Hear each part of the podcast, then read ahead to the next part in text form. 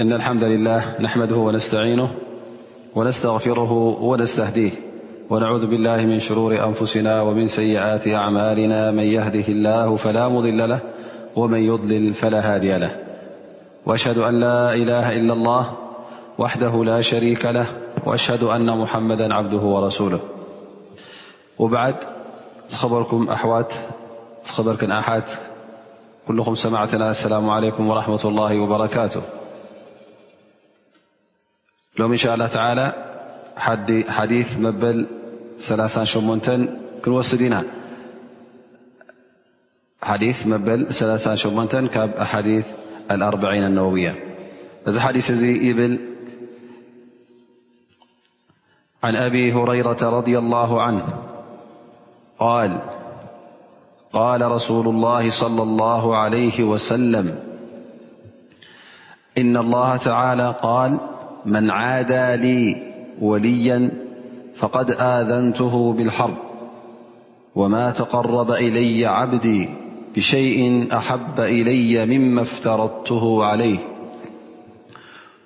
وما يزال عبدي يتقرب إلي بالنوافن حتى أحبه فإذا أحببته كنت سمعه الذي يسمع به وبصره الذي يبصر به ويده التي يبطش بها ورجله التي يمشي بها وإن سألني لأعطينه ولئن استعاذني لأعيذنه رواه البخاري ذ حدث ي حر بل ترم كه نت ينا النبي صلى الله عليه وسلم الله ስبሓنه و ከዙ ኢሉ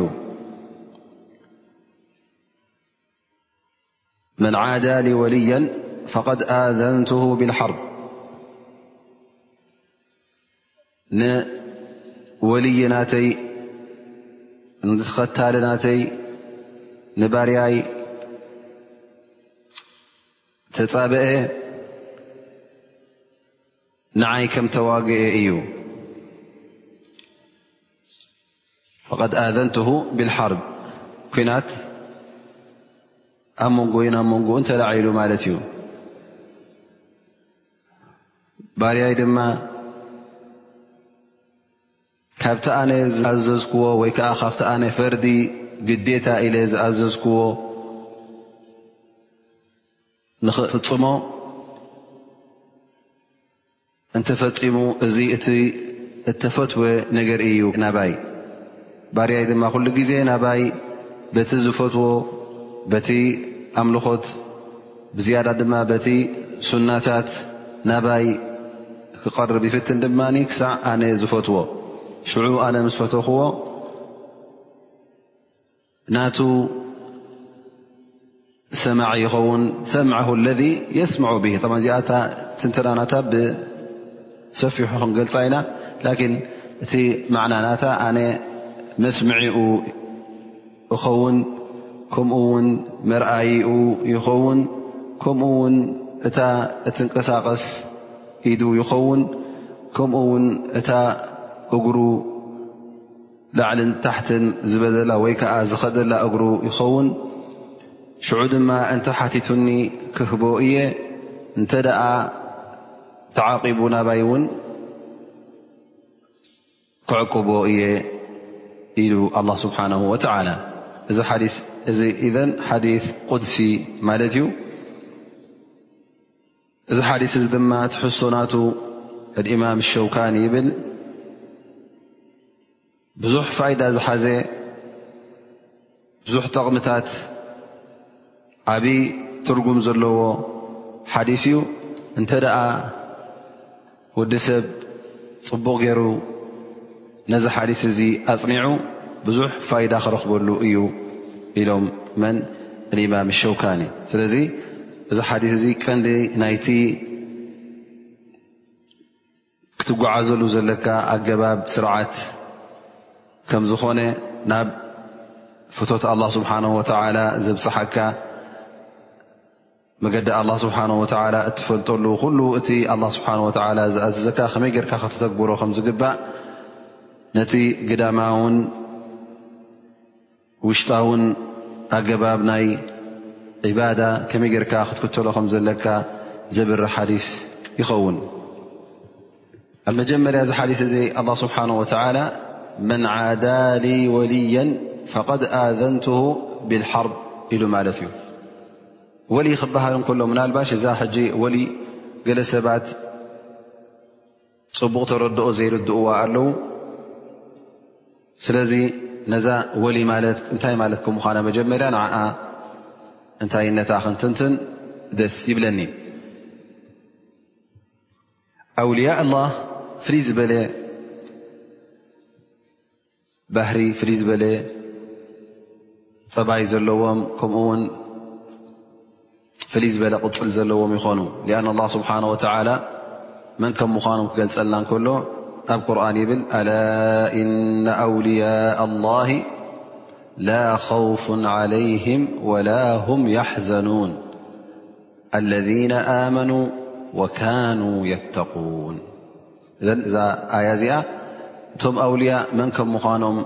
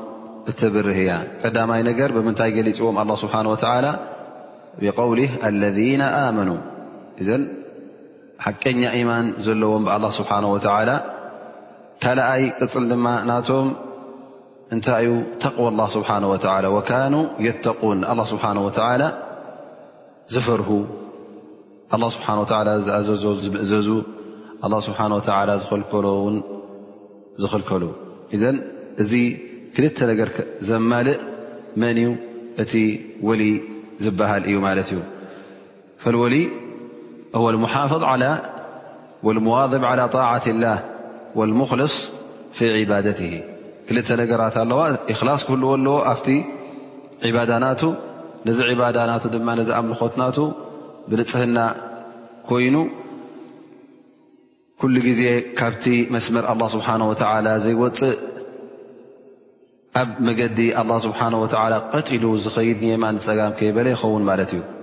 ስለዚ ወልይ ዝኸውን ሰብ ፍሉያት ሰባት ኣይኮኑን እንታይ ደኣ ኩሉ ወዲ ሰብ ወልይ ምን ኣውልያ ኣላ ስብሓን ወተላ ክኸውን ዕድል ኣለዎ ማለት እዩ ኣብዚ ውላያ ናይ ኣላ ስብሓን ወተዓላ ንክኣቱ ኩሉ ሓደ ዕድል እዩ ዘለዎ ምኽንያቱ ኣላ ስብሓን ወተዓላ ነዛ ውላያ እዚኣ ንክትረክብ ወልይ ክትከውን ንክትበሃል ናብ ኣላ ስብሓን ወተዓላ ዝቐረበ ሰብ ክትከውን እንተ ኮይንካ እዘን ክልተ ነገራት ትማላእ ኢማን ክህልወካ ኣሎ ቕኑዕ ኢማን ሓያል ኢማን ፅኑዕ ኢማን ፅኑዕ እምነት ማለት እዩ ኣብ ርእሲኡ ድማ ኩሉ ግዜ እቲ ጉዕዞኻ እቲ ምንቅስቓሳትካ ካብቲ ኣላ ስብሓን ወተዓላ ዝኣዘዞ ክወፅእ ይብሉን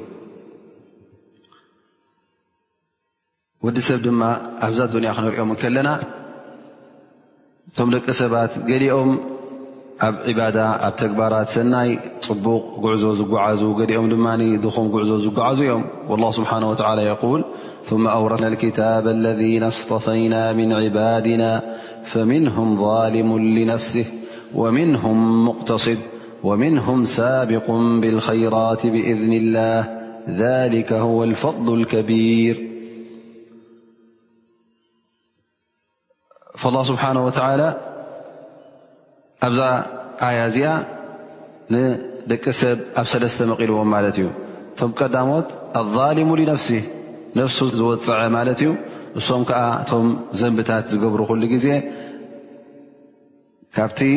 ኣላ ስብሓን ወተዓላ ዝኣዘዞ ግዴታት ካብኡ ቅሩብ የጉድሉ ካብቲ ኣላ ስብሓን ወተዓላ ዝኸልኮ ድማ ኩሉ ግዜ ኣይክልከሉን ስለዚ እዚ ካብ መን ይቁፅር ካብቶም ዛሊም ንነፍሲ ነፍሱ ዝዓመፅን ነፍሱ ዝወፅዐን ይቁፅር ማለት እዩ ኣሎ ድማ ሰብ ሙቅተሲድ ይበሃል ኣልሙቅተሲድ ማእከላይ ፅቡቕ እቲ ተኣዘዞ ኩሉ እቲ ፈርድታት ናቱ እቲ ዋጅባት ናቱ ኣላ ስብሓን ወተላ ግዴታ ንክገብሮ ዝኣዘዞ ይገብር ግዴታ ንክክልከሎ ውን ዝኸልከሎ ካብኡ ውን ይኽልከል ግን ኣብቲ ሙስተሓባት ዝበሃል ኣብቲ ዝያዳታት ምግባር ኣብኡ ኣይትረኽቦን ኢኻ። ኣብቲ መክሩህ ዝበሃል ድማ ኣብቲ ፅሉእ ነገራት ገለገለ እውን ክገብር ትረኽቦ። ፈሃኡላኢ ምና ኣልሙቅተስዲን እቶም ማእከሎት ማለት እዩ። ወይ ከዓ እቲ ግዴታ ግዴታ ኣድላይ ዝኾነ ነገራት ካብኡ ዓዲ ይውዕሉን እዮም ይገብርዎ እዮም። እቲ ኣድላይ ድላይ ዝኾነ ሓላል እቲ ዋጅብ ዝኾነ ግዴታ ንክገብርዎ ተኣዘዙ ይገብርዎ እቲ ሓራም ዝኾነ እውን ይኽልከሉ። ኣለዉ ድማ ኣላ ስብሓን ወተላ መን ሰምዮም ኣሳቢቅ ብልከይራት ቀዳሚ ማለት እዩ ነቲ ሰናያት ነገር ቀዲሙ ዝገብር እዚ ሕጂ ነቲ ዋጅባት ኣላ ስብሓን ወተላ ዝኣዘዞ ኩሉ ይገብር ካብቲ ሙሓረም ካብቲ ሓራም ዘብኦ እውን ይኽልከል ኣብ ርእሲኡ ድማ እቲ ሙስተሓባት ዝበሃል እቲ ፍትው ዝበሃል ዝያዳ ዝበሃል ሱና ዝበሃል ይውስኸሉ እንተ ፅሉእ ዩ ኣብ ዲን እዚ እውን ፍትው ኣይኮነን ዝብልዎ ነገር እተ ኣሎ ኮይኑ ዘፀይፍ ነገራት እዩ እተ ዝብልዎ ኮይኖም ካብኡ እውን ይርሕቕ ማለት እዩ እዚ ድማ ተ ደረጃ ናይ መን ቲ ናይቶም ዝለዓሉ ማለት እዩ እዘን እቲ ጉዳይ ደረጃታት ዝለዓለ ኣሳቢቅ ብልከይራት እቲ ቀዳማይ ሓሊፉ ዝፀንሕ ማለት እዩ ኣብ ሰናይ ቀዳምነት ዘለዎ ድሕሪኡ ድማ መን መፅእ ኣልሙቅተሲድ እዚ ድማ ማእከላይ እቲ ዋጅባት እቲ ግዴታታት ይገብር ግን ኣብቲ ሱና ኣብቲ ፈድሊ ዘለዎ ብልፀት ዘለዎ ኣብኡ ግን ኣይትረኽቦን ኢኻ እቲ ነብሱ ዝዓመፀ ኣዛሊም ነፍሲ ድማ እዚ እቲ ዝተሓተ ኸውን ምክንያቱ ጉድለት ኣለዎ ኣብቲ ግዴታ ተኣዘዞ ኣብኡ ጉድለት የርኢ ኣብቲ ተኸልከሎ ውን ክጥሕስ ትረኽቦ ገለ ሓንሳእ ሓንሳእ እዚ ሕጂ ጥሒሳ ስለ ዝኾነ ነብሱ ከም ዝዓመፀ ኣላ ስብሓን ወተዓላ እቲ ደረጃ ናብ ኣላ ስብሓን ወተዓላ ትቐርበሉ ደረጃታት ከም ምዃኑ እነሀ ይሕብረና ማለት እዩ ፈሳቢቅ ብልከይራት እቶም ቀንዲ እቶም ላዕሊ ዘለዉ ማለት እዮም ኣፍል ኣውልያ እቶም ዝበለፁ ናብ ኣውልያ ኣላ ስብሓን ወላ ክበፅሑ ዝበሃሉ ድማ ከምዚ ነገራት ምስ ዝገብሩ እዮም ወልይ ምን ኣውልያ ላ ክትባል እተ ኮይንካ ካብቶም ኣሳቢቅ ብልከይራት ክትከውን ኣለካ ቀዳሚ ተጓያዪ ንኸይር ንሰናይ ዝጓየ ክትከውን ኣለካ እቶም ኣንብያ ኣላ ስብሓን ወተላ እቶም ሩሱል ልኡካት ኣላ ነብያት እዚኦም እቶም ቀንዲ ኣውልያ ኣላ ይኾኑ ማለት እዩ ምክንያቱ እሶም እዮም ብዝያዳ ካብ ደቂ ሰብ ዝለዓሉን ዝሓየሉን ፈመቃመ ንቡዋ ናይ ነብይነት ኩሉ ግዜ ቦታ ልዑል ስለ ዝኾነ ቀዳሞት ካፍቶም ኣውልያ ንመን ኢና ንርኢ ነቶም ልኡኻት ኣላ ስብሓን ወተላ ኣልኣንብያ ወሩሱል ልኡኻት ኣላህን እቶም ኣንብያእን ወኣፍضሉ ኣውልያእ እውን ብድሕሪ ቶም ኣንብያ ብድሕሪ ቶም ነብይና ሓመድ ኣንብያ ኩላቶም ማለት እዩ ብድሕሪኦም ዝመፁ ድማ መን ኣለዉና እቶም ኣሓብ ነቢ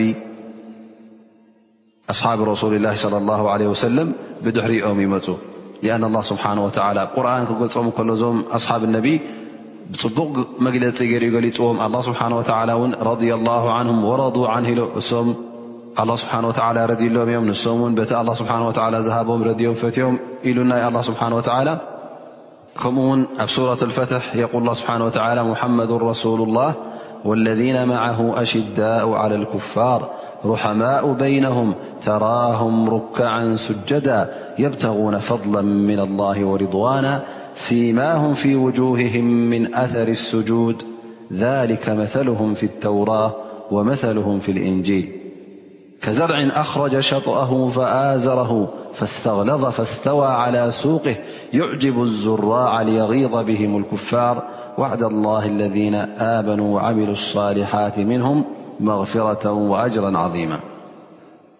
ኣላ ስብሓን ወተዓላ ሙሓመዱን ረሱሉ ላህ ወለዚነ መዓሁ እቶም ምስ ነቢዪ ስለ ላሁ ዓለ ወሰለም ዝነበሩ ክንደይ ብልፀት ከም ዘለዎም ሰብ ሰላት ከም ምዃኖም ሰብ ጅሃድ ከም ምዃኖም ከምኡ ውን ፈዲ ናይ ኣላ ስብሓን ወተዓላን ዒዳ ኣላህን ርህራሀ ኣላ ስብሓን ወተዓላ ንኽረኽቡ ዝቀዳደሙን ዝጓዩን ከም ምዃኖም ሩካዕን ስጀዳ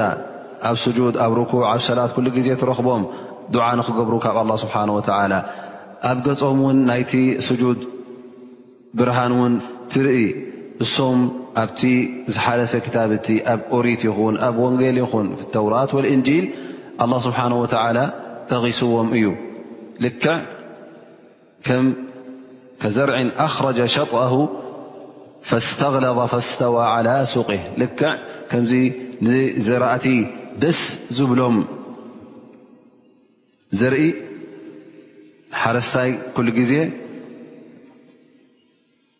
ለምለም ክርኢ እንከሎ እሞ ኸኣ እቲ ዝዘርኦ ሸዊቱ ለምሊሙ እሞ ኸኣ ሙሉእ ቲግራቱ ኩሉ ለምለም ክርኢ ከሎ ደስ ዝብሎ ልክዕ ከምዚ ዓይነት እዚ ኣላ ስብሓን ወተላ ገይሩ ኣብቲ ዝሓለፈ ክታብ እቲ ኣብ ኦሪት ይኹን ኣብ ወንጌል እውን ጠቒስዎም እዩ እዘን እዞም ሰባት እዚኦም ውን ኣላ ስብሓን ወተዓላ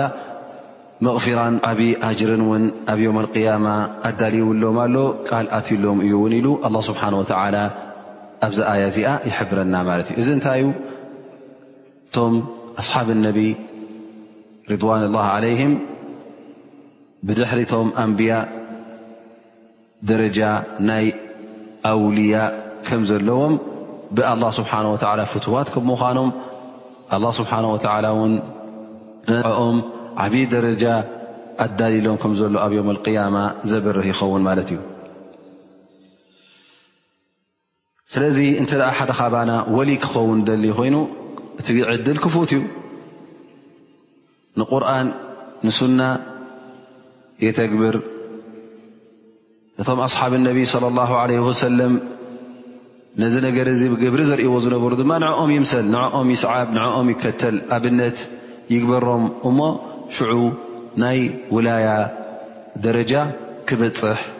ይኽእል እዩ። ስለዚ ውላያ ንፍሉያት ሰባት ብመልክዕን ብወለዶን ዝወሃብ ኣይኮነን፣ እንታይ ደኣ ብእምነትን ብኢማን ከምኡ ውን ብተቕዋ ብፍርሃት ረቢ እዩ ዝብፃሕ። ስለዚ ፍልይ ዝበለ ክዳን ወይ ከዓ ፍልይ ዝበለ መልክዕ የብሎምን ከም ሰቦም እዮም እቶም ኣውልያ ኣላ። ጥራይ እቲ ዝፈልዮም እንታይ እዩ እቲ ኢማንን እቲ ተቕዋን እዩ ወሊ ክበሃል እንከሎ ድማ ኣላ ስብሓን ወተዓላ ፈትዎ እዩ ማለት እዩ ግን እዚ ክበሃል ከሎ ድማ ማዕሱም ማለት ኣይኮነን ማለት ኣይጋገን እዩ ማለት ኣይኮነን ምክንያቱ ሰብ ስለ ዝኾነ ኣላ ስብሓን ወተዓላ ድማ ብጀካ ነቶም ኣንብያ ንኻልእ ባሮቱ ካብ ጌጋ ኣይሓለውምን ይጋገዩ እዮም እዘን እቶም ኣውልያ ንገዛእ ርእሶም ይጋገዩ እዮም ነዚ ነገር እዚ ዝምስክር እንተ ደኣ ክንሓትት ኮይንና ድማ የቁል ላ ስብሓን ወተላ ወለذ ጃء ብስድቅ ወሰደቀ ብሂ ላይከ ሁም ልሙተቁን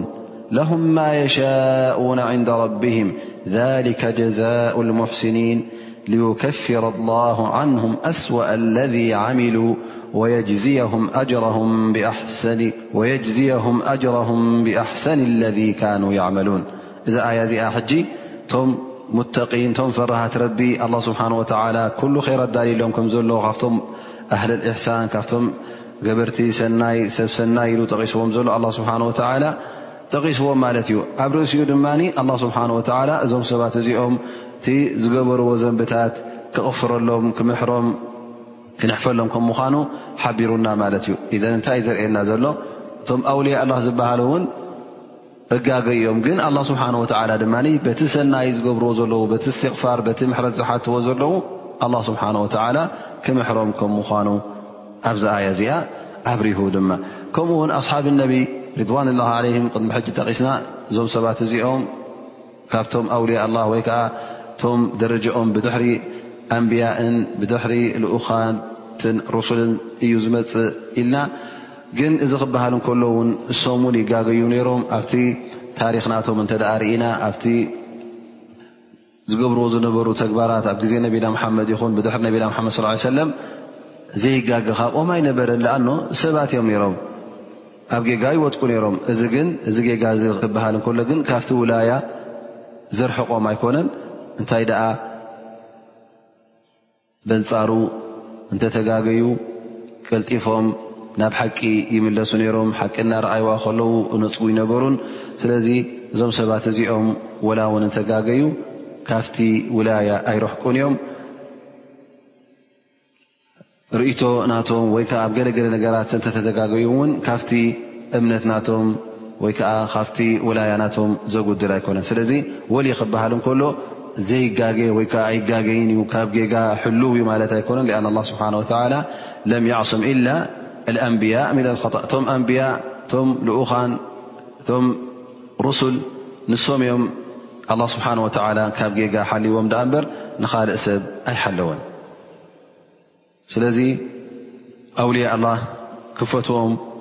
ኣለና ክንፀልኦም የብልናን እዚ ሓዲስ እዚ ድማ መን ዓዳ ሊ ወልየን ፈቐድ ኣዘንትሁ ብልሓርብ ዝብል ዘሎ እሱ እዩ እንታይ ነቶም ኣውልያ ናተይ ነቶም ፈራሃት ረቢ ነቶም ሙእምኒን ዝፃባእ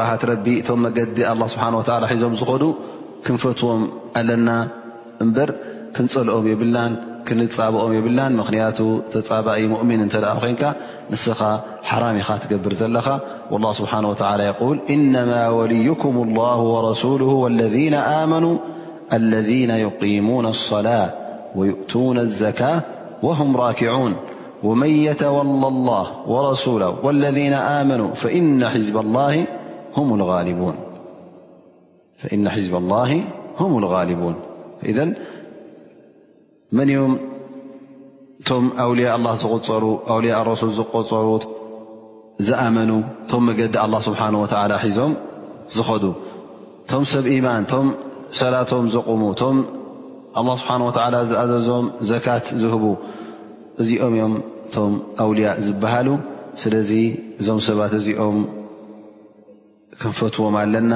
ክንቀርቦም ኣለና ምስኦም ክንለፍን ምስኦም ክንተሓጋገዝ ሓደ ኢድ ክንከውን ኣለና ማለት እዩ ስለዚ እንተ ደኣ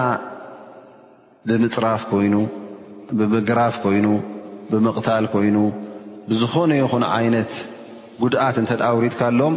እስኻ ኣብ ቅድሚ ኣላ ስብሓን ወተላ ፅባሕ ንግሆ ተሓታቲ ኢኻ ፅባሕ ንግሆ ተሓታቲ ኢኻ ብድሕሪ እዚ መን ዓደ ወልየን ፈቐድ ኣዘንት ብሓርብ ብ ስለምንታይ እዩ እቲ ኣላ ስብሓን ወተላ ዘጠንቀቐና ዘሎ እንተ ደኣ ዝፅልኢ እዚ ጠብዐን ክትፀልኦም ከለኻ ብሰንኪ እቲ ተቕዋ ናቶም ብሰንኪ እቲ ፍርሃት ረቢ ናቶም ብሰንኪ እቲ ሒዞሞ ዘለዉ መንገዲ ክኸውን ከሎ ዩ ደኣ እምበር እንተ ደኣ እቲ ኣብ መንጎኻን ኣብ መንጎኦምን ካልእ ነገር ዘምጽኦ ጽልኢ እንተ ደኣ ኮይኑ ምናልባሽ ኣብ መንጎኻን ኣብ መንጎ ሓደ ፈራህ ረብን ንበል ኣብ ናይ ኣዱንያ ነገር ምናልባሽ ተሰሓሒብኩም ናይ ገንዘብ ኮይኑ ናይ መሬት ኮይኑ ናይ ገለ ኮይኑ ተኻሲስኩም እስኻ ከሲስካዮ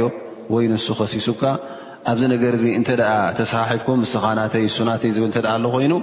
እስኻ ሕጂ ናተይ ክትብል ከለኻ ፀሊእካ ይኹንካ ግን ናትካ ስለ ዝኾነ ነቲ ናትካ ናተይ ትብል ኣለኻ ማለት እዩ ንሱ ድማ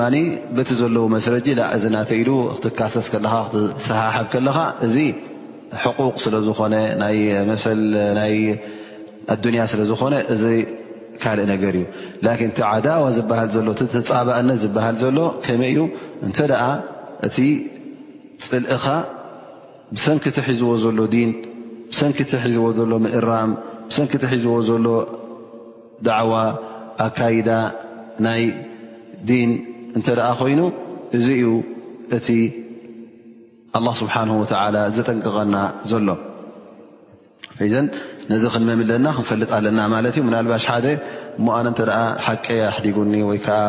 ኣብ መንጎይን ብ መንጎኡን ናይ ንግዲ ነይሩ ሞኒ ኣብዚ ነገር ተሰሓሒብና እተ ኢልካ እዚ ካልእ ነገር እዩ ብቤት ፍርዲ ብክቁ ዝጭረስ እዩ ስለዚ እተ መሰል ኣለካ ኮይኑ ሓቂ ኣለካ ኮይኑ እስኻ ትሓቶ ወላ ኣብ ቤት ፍርዲ ን ክትበፅሕ ምስ ትኽእል ኢኻ ማለት እዩ እዚ ግን ዓዳዊ ኣይቁፀርን እዩ ምክንያቱ እስኻ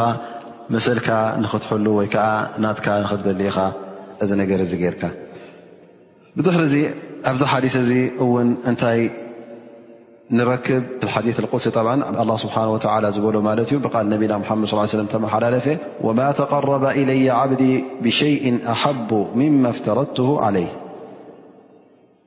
እቲ ዝበለፀ ተግባራት ንኣላ ስብሓን ወተዓላ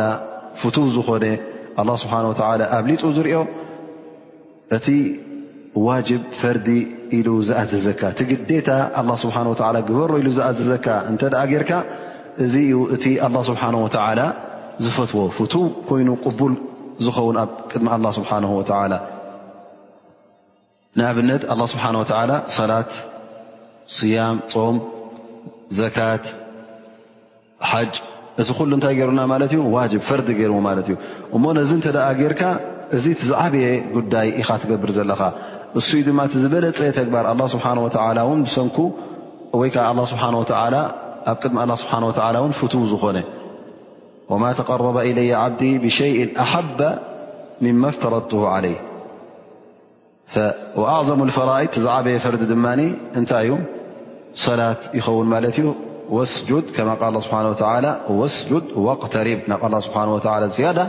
قربكمت لاة سجد تقبركل مالت وأقرب ما يكون العبد من ربه وهو ساجد ባርያ ኣላህ እውን ዝቐረበ ናብ ጎይታ ዝኾነሉ ሰዓትን ኩነትን እንታይ እዩ እታ ስጁድ ገይሩ ርእሱ ደሪኑ ኣብ መሬት ኣልጊቡ ናብ ኣላ ስብሓን ወተላ ተወጅሁ ተስቢሕ ክገብር እንከሎ ድዓ ክገብር እንከሎ ኣብዚ ሰዓት እዚ ናብ ኣላ ስብሓን ወተዓላ ዝቐረበ ይኸውን ከምኡ ውን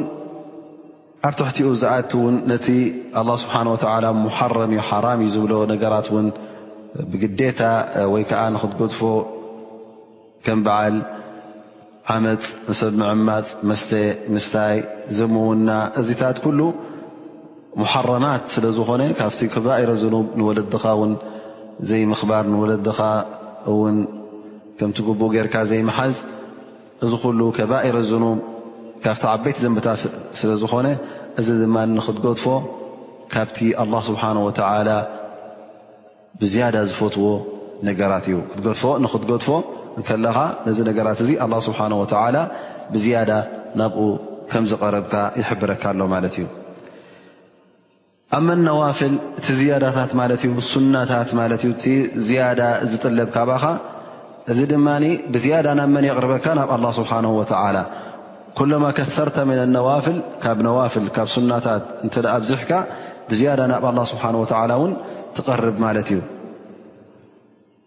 ሱና ጌርካ ወይ ከዓ ነዋፍል ክበሃል እንከሎ ድማ መዓስ ኢኻ ነዚ ነዋፍል እዚ እትገብሮ ግዜ ናይ ናፊላ መዓስ እዩ እቲ ዋጅብ ምስ ገበርካ እቲ ግዴታ ንክትገብሮ ተኣዘዝካ ምስ ገበርካ ኢኻ ነቲ ነዋፍል ትገብር ማለት እዩ ስለዚ ቀዳምነት በቲ ፈርዲ ናብ ኣላ ስብሓን ወተዓላ ቀሪብካ ኣለኻ ማለት እዩ ብድሕሪኡ ድማ ንዝያዳ ናፊላ ክበሃል እኮ ብ ናፊላ ትርጉም ናይ ናፊላ ቋንቋ ዓረብ ማዕናሃ እዝያዳ ማለት እዩ ወሰኽ ማለት እዩ ስለዚ እነዋፍል ሰዋእን ፍ ሰለዋት ኣብ ሰላት ናፊላ ዝበሃል ኣለና ማለት እዩ ቅድሚ ዝሁሪ ድሕሪ ዝሁሪ ትሰጉዶ ኣርባዕተ ኣርባዕተ ረክዓ ቅድሚ ዓስሪ ትሰግዶ ኣሎ ኣርባዕተ ረክዓ ድሕሪ መቕሪብ ክልተ ረክዓ ትሰግድ ንኣብነት ድሕሪ ኣልዕሻ ክልተ ረክዓ ሰጊድካ ብድሕሪኡ እውን ዊትሪ ትሰግድ ሰለስተ ኮይኑ ሓሙሽተ ኮይኑ ሸውዓተ ኮይኑ ከምኡታት እዚ ሕጂ ነዋፍል ይበሃል ኣብ ፆም እውን ነዋፍል ኣሎ ሰኑይን ሓሙስን ኣያም ኣልቢድ ኣብ ወርሒ ሰለስተ መዓልቲ ክትፀውም ከለኻ እዚ እውን ነዋፍል ማለት እዩ እታ ፈርዲ ሮሞዳን እያ ብድሕሪኣ ድማ ናበይ ሓሊፍካ ማለት እዩ ናፍቲ ናፊላ ዘካት ቀንዲ ዋጅብ እዩ ሰደቃ ድማ ትህብ ማለት እዩ ካብ ሚተ ክልተ ፈረቓን ንኸተውፅእ ካብ ወርቂ ካብ ገንዘብ እንተኾይኑ ካብኡ ንላዕሊ እንተ ከውፅእ የልካ ኣብ ዝኾነ ይኹን ሰዓት ኣብ ዝኾነ ይኹን ግዜ ሰደቃ ይኸውን ማለት እዩ እዚ ሕጂ ከም ናፊላ ወሰኽ ዝያዳ ይቁፅረልካ ማለት እዩ ከምኡውን ሓጅ ሓንሳእ ኢኻ ትጥለብ ዑምራ ሓንሳእ ኢኻ ዘድሊ ካባኻ ካልኣይ ዑምራ ካልኣይ ሓጅ ክትገብር ከለኻ ድማ ናፊላ ጌርካ ማለት እዩ እዘን እዚ ናዋፍል እዚ እንታይ እዩ ዝውስኸካ ነታ ነፍስኻ ዝያዳ የንፅሃ ማለት እዩ ዝያዳ ልኡልነት ይህባ ማለት እዩ እዚ ክትገብር ከላ ድማ ናብ ኣላ ስብሓን ወተላ ብዝያዳ ትቐርብ ፍቶት ኣላ ፍቅሪ ኣላ ስብሓን ወተላ ድማ ንኽትረክብ ዕድለኛ ትኸውን ማለት እዩ ላ ስብሓን ወላ እንተ ኣ ፈትዩኳ ድማ ከምቲ እነቢይ صለ ላሁ ለ ወሰለም ዝጠቀሱልና ኣብ ላዕላይ ሰማይ ኣላ ስብሓን ወላ ንጅብሪል ፀዊዑ ንዓ ይብሎ እና ላሃ ተላ ዩሕቡ ፍላና ፈኣሕቢብሁ ጎይታኻ ኣላህ ንፍላን ንኽስቶ ወዲ ክስቶ ይፈትዎ እዩሞ ያ ጅብሪል ንስኻ እውን ፍተዎ ይብሎ ኣላ ስብሓን ወተዓላ ፈጅብሪል ይፈትዎ ማለት እዩ ድሕሪኡ ድማ ጅብሪል ይፅውዕ ፈዩናዲ ፊ ኣህሊ ሰማእ እቶም ኣብ ሰማይ ዘለዉ ኩሎም መላእካታት ፃውዒት የመሓላልፍ ኣላ ስብሓን ወተዓላ ንኽስቶ ወዲ ክስቶ ይፈትዎ እዩሞኒ ኣንቱም ኣብ ሰማይ ዘለኹም ኩልኹም ንዕኡ ፍተውዎ ነዚ ኣላ ስብሓን ወላ ዝፈትዎ ይብሎም እሶም ከዓ ይፈትዎ ማ ይውضዕ ለ ቀቡሉ ፊ ኣርض ኣብ ሰማይ ዘለዉ ኩሎም ምስ ፈተውዎ ድማ ኣብ መሬት እውን እዚ ኣላ ስብሓን ወላ ዝፈተዎ ሰብ ተቐባልነት ይረክብ ثم يقول فإذا أحببته كنت سمعه الذي يسمع به وبصره الذي يبصر به ويده التي يبطش بها ورجله التي يمشي بها إذ حجي أنتي مالت ي نت فتة الله سبحانه وتعالى ت محبة الله سباهولىالله سبحانه وتعالى مسفتوكع زركب ትርፊ እዩ። እዚ ትርፊ እዚ እንታይ ይኸውን ከምዛ ዝቐረኣናዮ ይኸውን ማለት እዩ። ግን ዑለማ ነዚ ሕጂ ብዙሕ ዓይነት ትንተና ሂቦሞ እንታይ ማለት እዩ ኣላ ስብሓን ወተዓላ ኩንቱ ሰምዐሁ ለذ የስማዑ ብሂ ኣነ እቲ ዝሰምዓሉ ይኸውን፣ እታ ዝርእየላ ዓይኒ ይኾኖ፣ እታ ኢዱ ዝሃርመላን ዝንቀሳቐሰላን እኸውን፣ እታ እግሩ ዝኸደላን እኾነሉ ኢሉ ኣላ ስብሓን ወተዓላ። እንታይ ማለት እዩ ኸምዚ? ነዚ ነገር እዚ ዑለማ ሓደ ክልተ ጥራይ ዘይኮነ ብዙሕ ዓይነት ትርጉም ሂቦምሉ ማለት እዩ። ፈቃሉ ኣነ ዓይኑን እዝኑን ይኾኖ እዚ ክበሃል እንከሎ እቲ ኣነ ዝኣዘዝክዎ ኩሉ ግዜ ቀዳምነት ስለ ዝህብ ምእዘዛይ ይፈቱ ንዓይ ከገልግል ድማ ይጓየ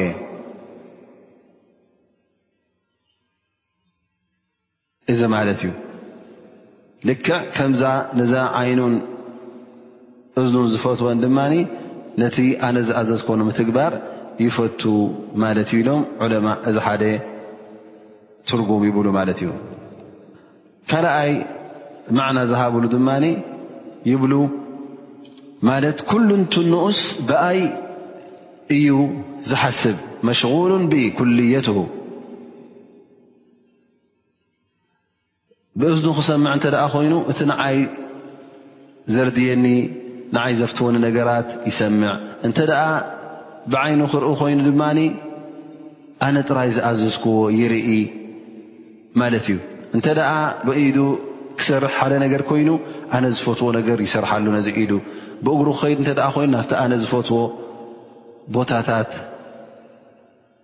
يخيد لت ዩ إሎم علمء እዚ لأይ تنተናون هب ሳلሳይ معن ي ዓ ترጉምኡ وን يبل أجعل له مقاصده كأنه يناله بسمعه وبصره ل دليታت نت لك كمت بعين ብእዝኑን ብኢዱን ብእግሩን ከም ዝረኽባ ይገብሮ ማለት እዩ ኢሎም ዑለማ ራብዓይ ትርጉም እውን ቃሉ ደገፍን ዓወትን ልክዕ ከም ዓይኑን እዝኑን ኢዱን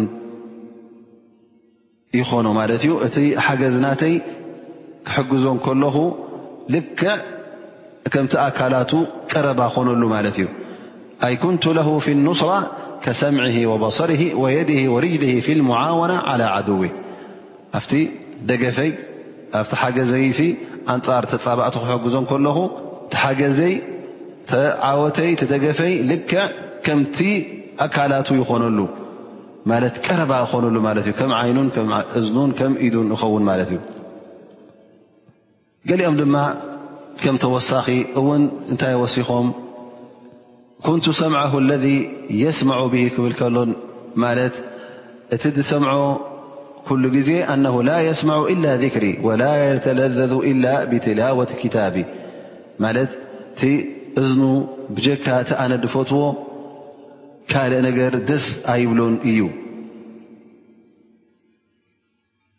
ከምኡ ውን በቲ ዓይኑ ክርኢ ከሎ ኩሉ ግዜ እቲ ዓይኑ ናፍቲ ኣላ ስብሓን ወተዓላ ዝኸለቆ ክርኢ እንከሎ ትኺሉ እቲ ልቡ ናብ ጎይታ ክሳዕ ክንደይ እዚ ኣላ ስብሓን ወተዓላ በዓል ሓይሊ በዓል ክእለት ከም ምዃኑ እዚ ኩሉ ነገራት ኣብ ቅድሚ ዓይነይ ዝርእዮ ዘለኹ ፈጢሩ ነናቱ ሂቡ ኢሉ እቲ ዓይኑ እውን ኩሉ ግዜ ናበይ ይመርሖ ማለት እዩ ናብቲ ሓይሊ ጎይታ ይመርሖ ማለት እዩ ከምኡ ውን ኢዱ ክንቀሳቐስ ከሎ ኣብቲ ኣላ ስብሓን ወተዓላ ዝደልዮ ይንቀሳቐስ ከምኡ ውን እግሩ እውን ናብቲ ኣላ ስብሓን ወተዓላ ይንቀሳቐስ ማለት እዩ ወቃል ኣልኸጣቢ እውን ኣልኸጣቢ ዝበሃል እውን ካልእ ትርጉም ሂቡ ቃል እዚ እንታይ ማለት እዩ ኣላ ስብሓን ወተዓላ ዱዓ እንተ ደኣ ገይሩስ እቲ እጃባ ናቱ ተቐባልነት ናቱ ህፁፅ ከም ምዃኑ ዘርእየና እዩ ኣላ ስብሓን ወተዓላ እንታይ ዘርእየና ዘሎ ዱዓ ናይዚ ባሪኡ እዚ ናይዚ ወልየ ናቱ ብቐጥታ ብቕልጡፍ ብህፁፅ ቅቡል ከም ምዃኑ እዩ ዘርእየና ዘሎ ኢሉ ጠቒሱ ማለት እዩ ስለዚ ነዚ ተረድኦ እዚ ክንርዳእ ኣለና ማለት እዩ ካብዚ ንላዕሊ ወይ ከዓ ካልእ ትርጉም እውን ክወሃቦ የብሉን ምክንያቱ ገለገለ ሰባት ነዚ ሓዲስ እዚ ዘይከውን ትርጉም እውን ዘይቅቡል ኣብ እስልምና ትርጉም እውን ክብዎ ይፍትኑ ይኾኑ ላኪን እዚዩ እቲ ትርጉም ናቱን እቲ ማዕና ናቱን ኣብ መጨረሻት ሓዲስ እውን ወለእን ሰኣለኒ ለኣውዕጥየና ወለእን እስተዓዘኒ ለኣውዒዘና ይብል እሱ እንታይ ማለት እዩ ድማ እቲ ድዓ ናይዚ ወልይ እዚ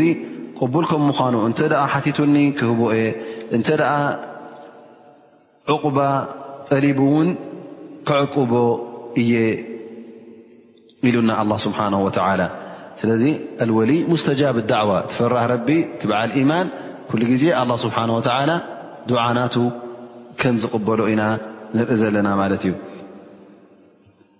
ነዚ ነገር እዚ እውን ብተግባር ከም ተረኽበ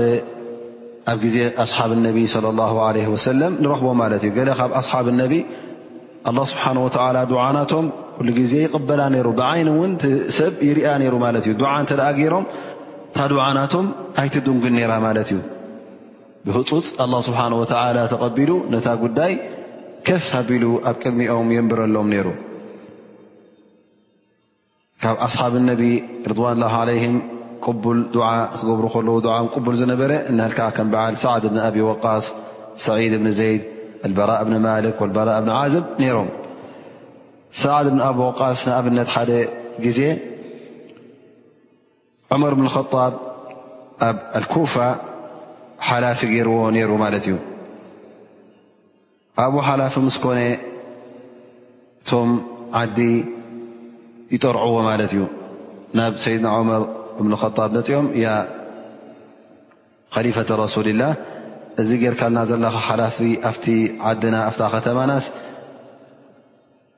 ወላ ሰጊዱ ከማን ፅቡቕ ገይሩ ኣየስግደናን እዩ ኢሎም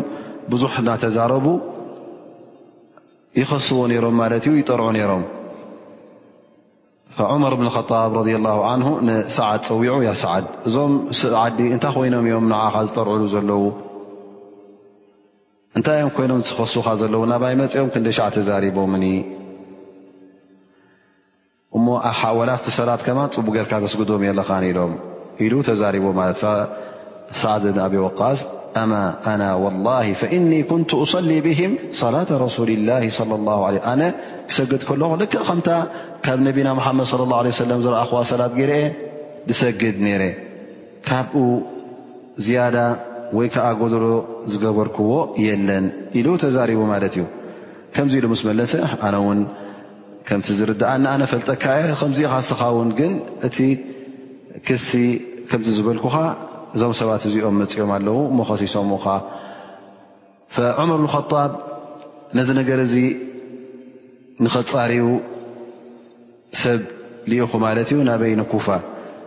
ኣብ ኩፋ ከይዶም ሕጂ እንታይ ገብሩ ማለት እዩ እዞም ዝለኣኾም ነዚ ነገር እዚ ከፃርዩ ዝረኣኾም መስጊድ መስጊድ እናኸዱ ይሓቱ ነይሮም ማለት እዩ ሰዓድ ብን ኣብ ወቃሲ እንታይ ገይሩኩም እንታይ ጎደሎ ርኢኹምሉ እንታይ ኣለዎ ሽግር ኢሎም ይሓቱ ነይሮም ኣብ ኩሉ ዝኣተዉ መስጊድ ፅቡቕ መልሲ ይረኽቡ ነይሮም ማለት እዩ ዋላ ሓንቲ ፅቡቕ ዩ ዘሎም ሳና ሓንቲ የብልናን ኢሎም ፅቡቕ መሊሶም ማለት እዩ ኣብ ግን ሓንቲ መስጊድ ናይ በኒ ዓብስ ነይራ ኣብኣ ከይዶም ምስሓተቱ ሓደ ኡሳማ እብኒ ቀታዳ ዝበሃል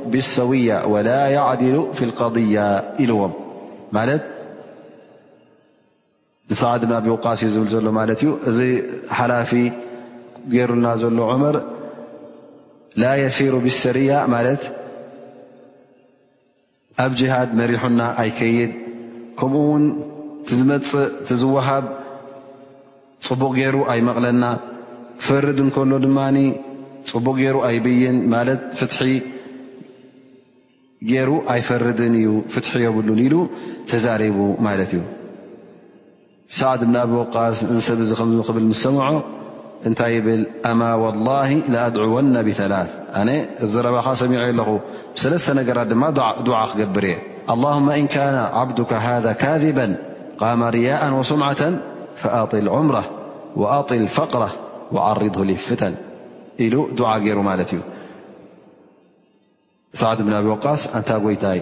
እዚ ሰብ እዚ እንተ ደኣ ሓስዩ ኮይኑ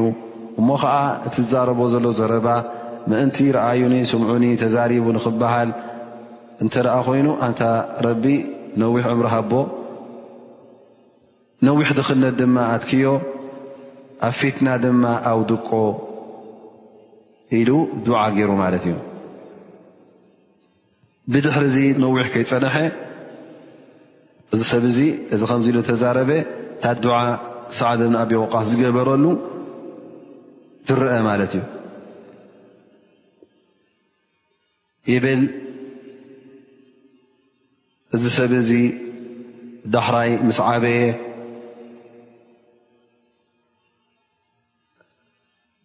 ኣብ ኩፋ ኣሪጉ ብድኽነት እናነበረ ከሎ እንታይ ይብል ነይሩ ሸይኹ ከቢር መፍቱን ኣሳበትኒ ዳዕወቱ ሳዓድ ናህልኩም ኣነ ዓብ ሰብ ሽማግለ እታ ዱዓ ናይ ሰዓድ ኣርኪባትኒ በፂሓትኒ እናበለ ይዘውር ነይሩ ምክንያቱ ዓብድልመሊክ እብን ዑሜር ዝበሃል ነዚ ሓዲስ ዘመሓላለፈ እብን ሰሙራ ይብል ኣነ ኣብ ዕብየቱ ነዚ ሰብ እዚ ከምዚ ክብል ሰሚዖዮ ኣርኪበሉ ብጣዕሚ ኣሪጉ ከሎ እንታይ ይገብር ነይሩ ደቂ ኣንስትዮ ክሓልፋ ከለዋ ይላኸፈን ነይሩ ደቂ ኣንስትዮ ክሓልፋ ከለዋ እሱ ኣሪጉ ዩ ክንድባሓጎኦም ኮይኑ ግን እታ ድዓ ናይ ሳዕድ ብን ኣብዮ ወቃስ ኣርኪባቶ ንደቂ ኣንስትዮ እናሓለፋ ክላኸፍ ይረአ ነይሩ እዚ ነገር እዚ ከይሓፈረ እውን ይገብሮ ነይሩ እንታይ ማለት እዩ እዚእታ ፊትና ዝበላ ሳዕድ ብን ኣብ ወቃስ ኩሉ ግዜ መፍቱን ከም ዝነበረ ተብርሃልና ማለት እዩ ከምኡ ውን ሰዒድ እብኒ ዘድ ሓደ ካብቶም ኣስሓብ ነቢ ካብቶም ቅቡላት ዳዕዋ እዩ ነይሩ ዱዓ ክገብር ከሎ ዱዓኡ ቅቡል እዩ ነይሩ ሓደ ግዜ ኣርዋ ቤንት ኦስ ትበሃል ትኸሶ ማለት እዩ እዛ ሰብ እዚኣ እንታይእቲ መክሰሲኣ ስዒድሲ ካብቲ መሬተይ ዝያዳ ኣሕዲጉኒ ኢላ ትኸሶ ማለት እዩ ተኸሲሶም ኣብቲ መራሒ ምስ ቀረቡ ይሓቶ ማለት እዩ ከመይ ጌርካ እዛ ሰብ እዚኣ ያ ሰዒድ መሬተይ ወሲድካለይ ትብለካ ኣላ ኢሉ ምስ ሓተቶ ይብል ኣነስ ብድሕርቲ ካብ ነቢ ሙሓመድ صለ ላه ለ ወሰለም ዝሰማዕክዎ ቃል መሬት ናይ ሰብ ክወስድ ኢሉ ይዛረብ እንታይ ሰሚዕካ ካብ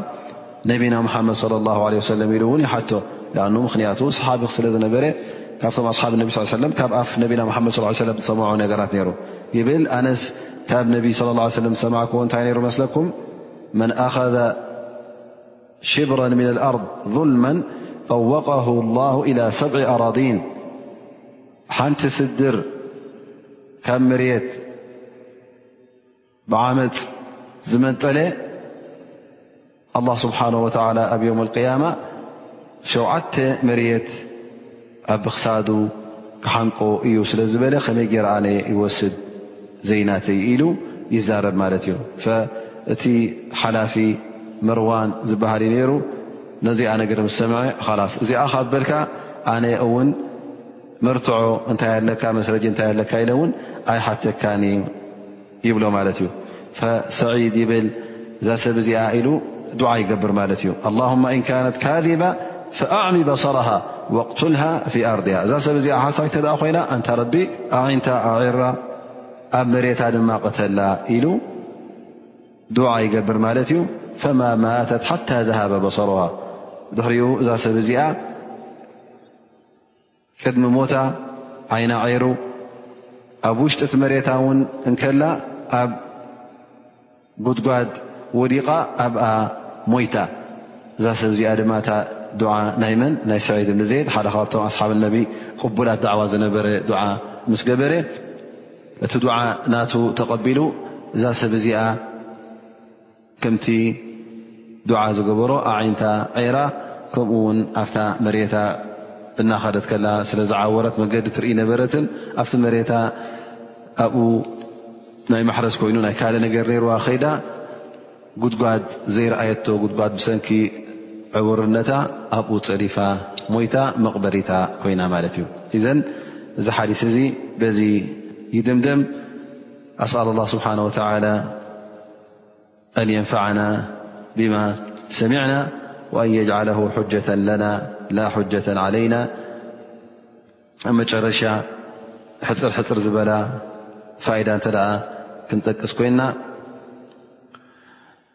ኣገዳስነት ናይ ፍርዲ ቀዳማይ ነገር እቶም ኣውልያ ኣላ ስብሓን ወተላ መን ከም ምዃኖም ተረዲእና ማለት እዩ እቶም ኣውልያ ዝበሃሉ እቶም ብሓቂ ፅኑዕ እምነትን ሰናይ ተግባርን ትእዛዛት ኣላ ስብሓን ወተላ ዝኽተሉ ከም ምዃኑ ተሓቢርና ካልኣይ ድማ እቲ ፈርዲ እቲ ዋጅብ ቀዳምነት ከም ዘለዎ ንዕኡ ከይገበርካ ናፍቲ ናፊላ ናፍቲ ሱና ክትሓልፍ ከም ዘይትኽእል እንተ ደኣ ንዕኡ ጌርካ እቲ ናፊላ ትገብር ካብቲ ነዋፍል ካብቲ ሱና ምስ ሰብዛሕካ ድማ ዝያዳ ናብ ኣላ ስብሓን ወተዓላ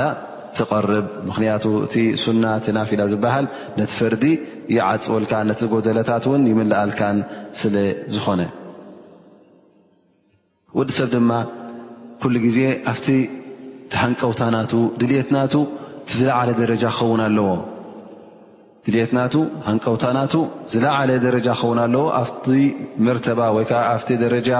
ናይቶም ኣውልያ ላ ስብሓን ወተላ ክበፅሕ ክቃለስ ኣለዎ ማለት እዩ ምክንያቱ ኣላ ስብሓን ወተላ እቶም ኣውልያ መን ከም ምዃኖም ሓቢሩና እዩ፣ እንታይ ከም ዝድለ እውን ኣርእዩና እዩ። ስለዚ እዚ ውላየት ላህ ስብሓን ወተዓላ ንኹላህና ክፉት ከም ምዃኑ ተረዲእና ማለት እዩ። ዝኾነ ይኹን ኣስላማይ እውን ፈራህ ረቢ ሙእምን እውን ክንፀልኦ ከም ዘይብልና፣ ኣብ መንጎናን ኣብ መንጎኡን ፍቕርን ሕውነትን ክኸውን ከም ዘለዎ እዩ ዘርእየና ዘሎ ኣነ ኣላ ስብሓን ወተላ ተዋዓደ ሁና መን ዓዳ ወልያን ፈቐድ ኣዘንትሁ ብልሓርብ ወልይ ናተይ ንፈራ ረቢ ተፃብአ ልክዕ ኩናት ምስ ኣላ ስብሓን ወላ ከም ዝኣወጀ ስለ ዝኾነ ስለዚ ነቶም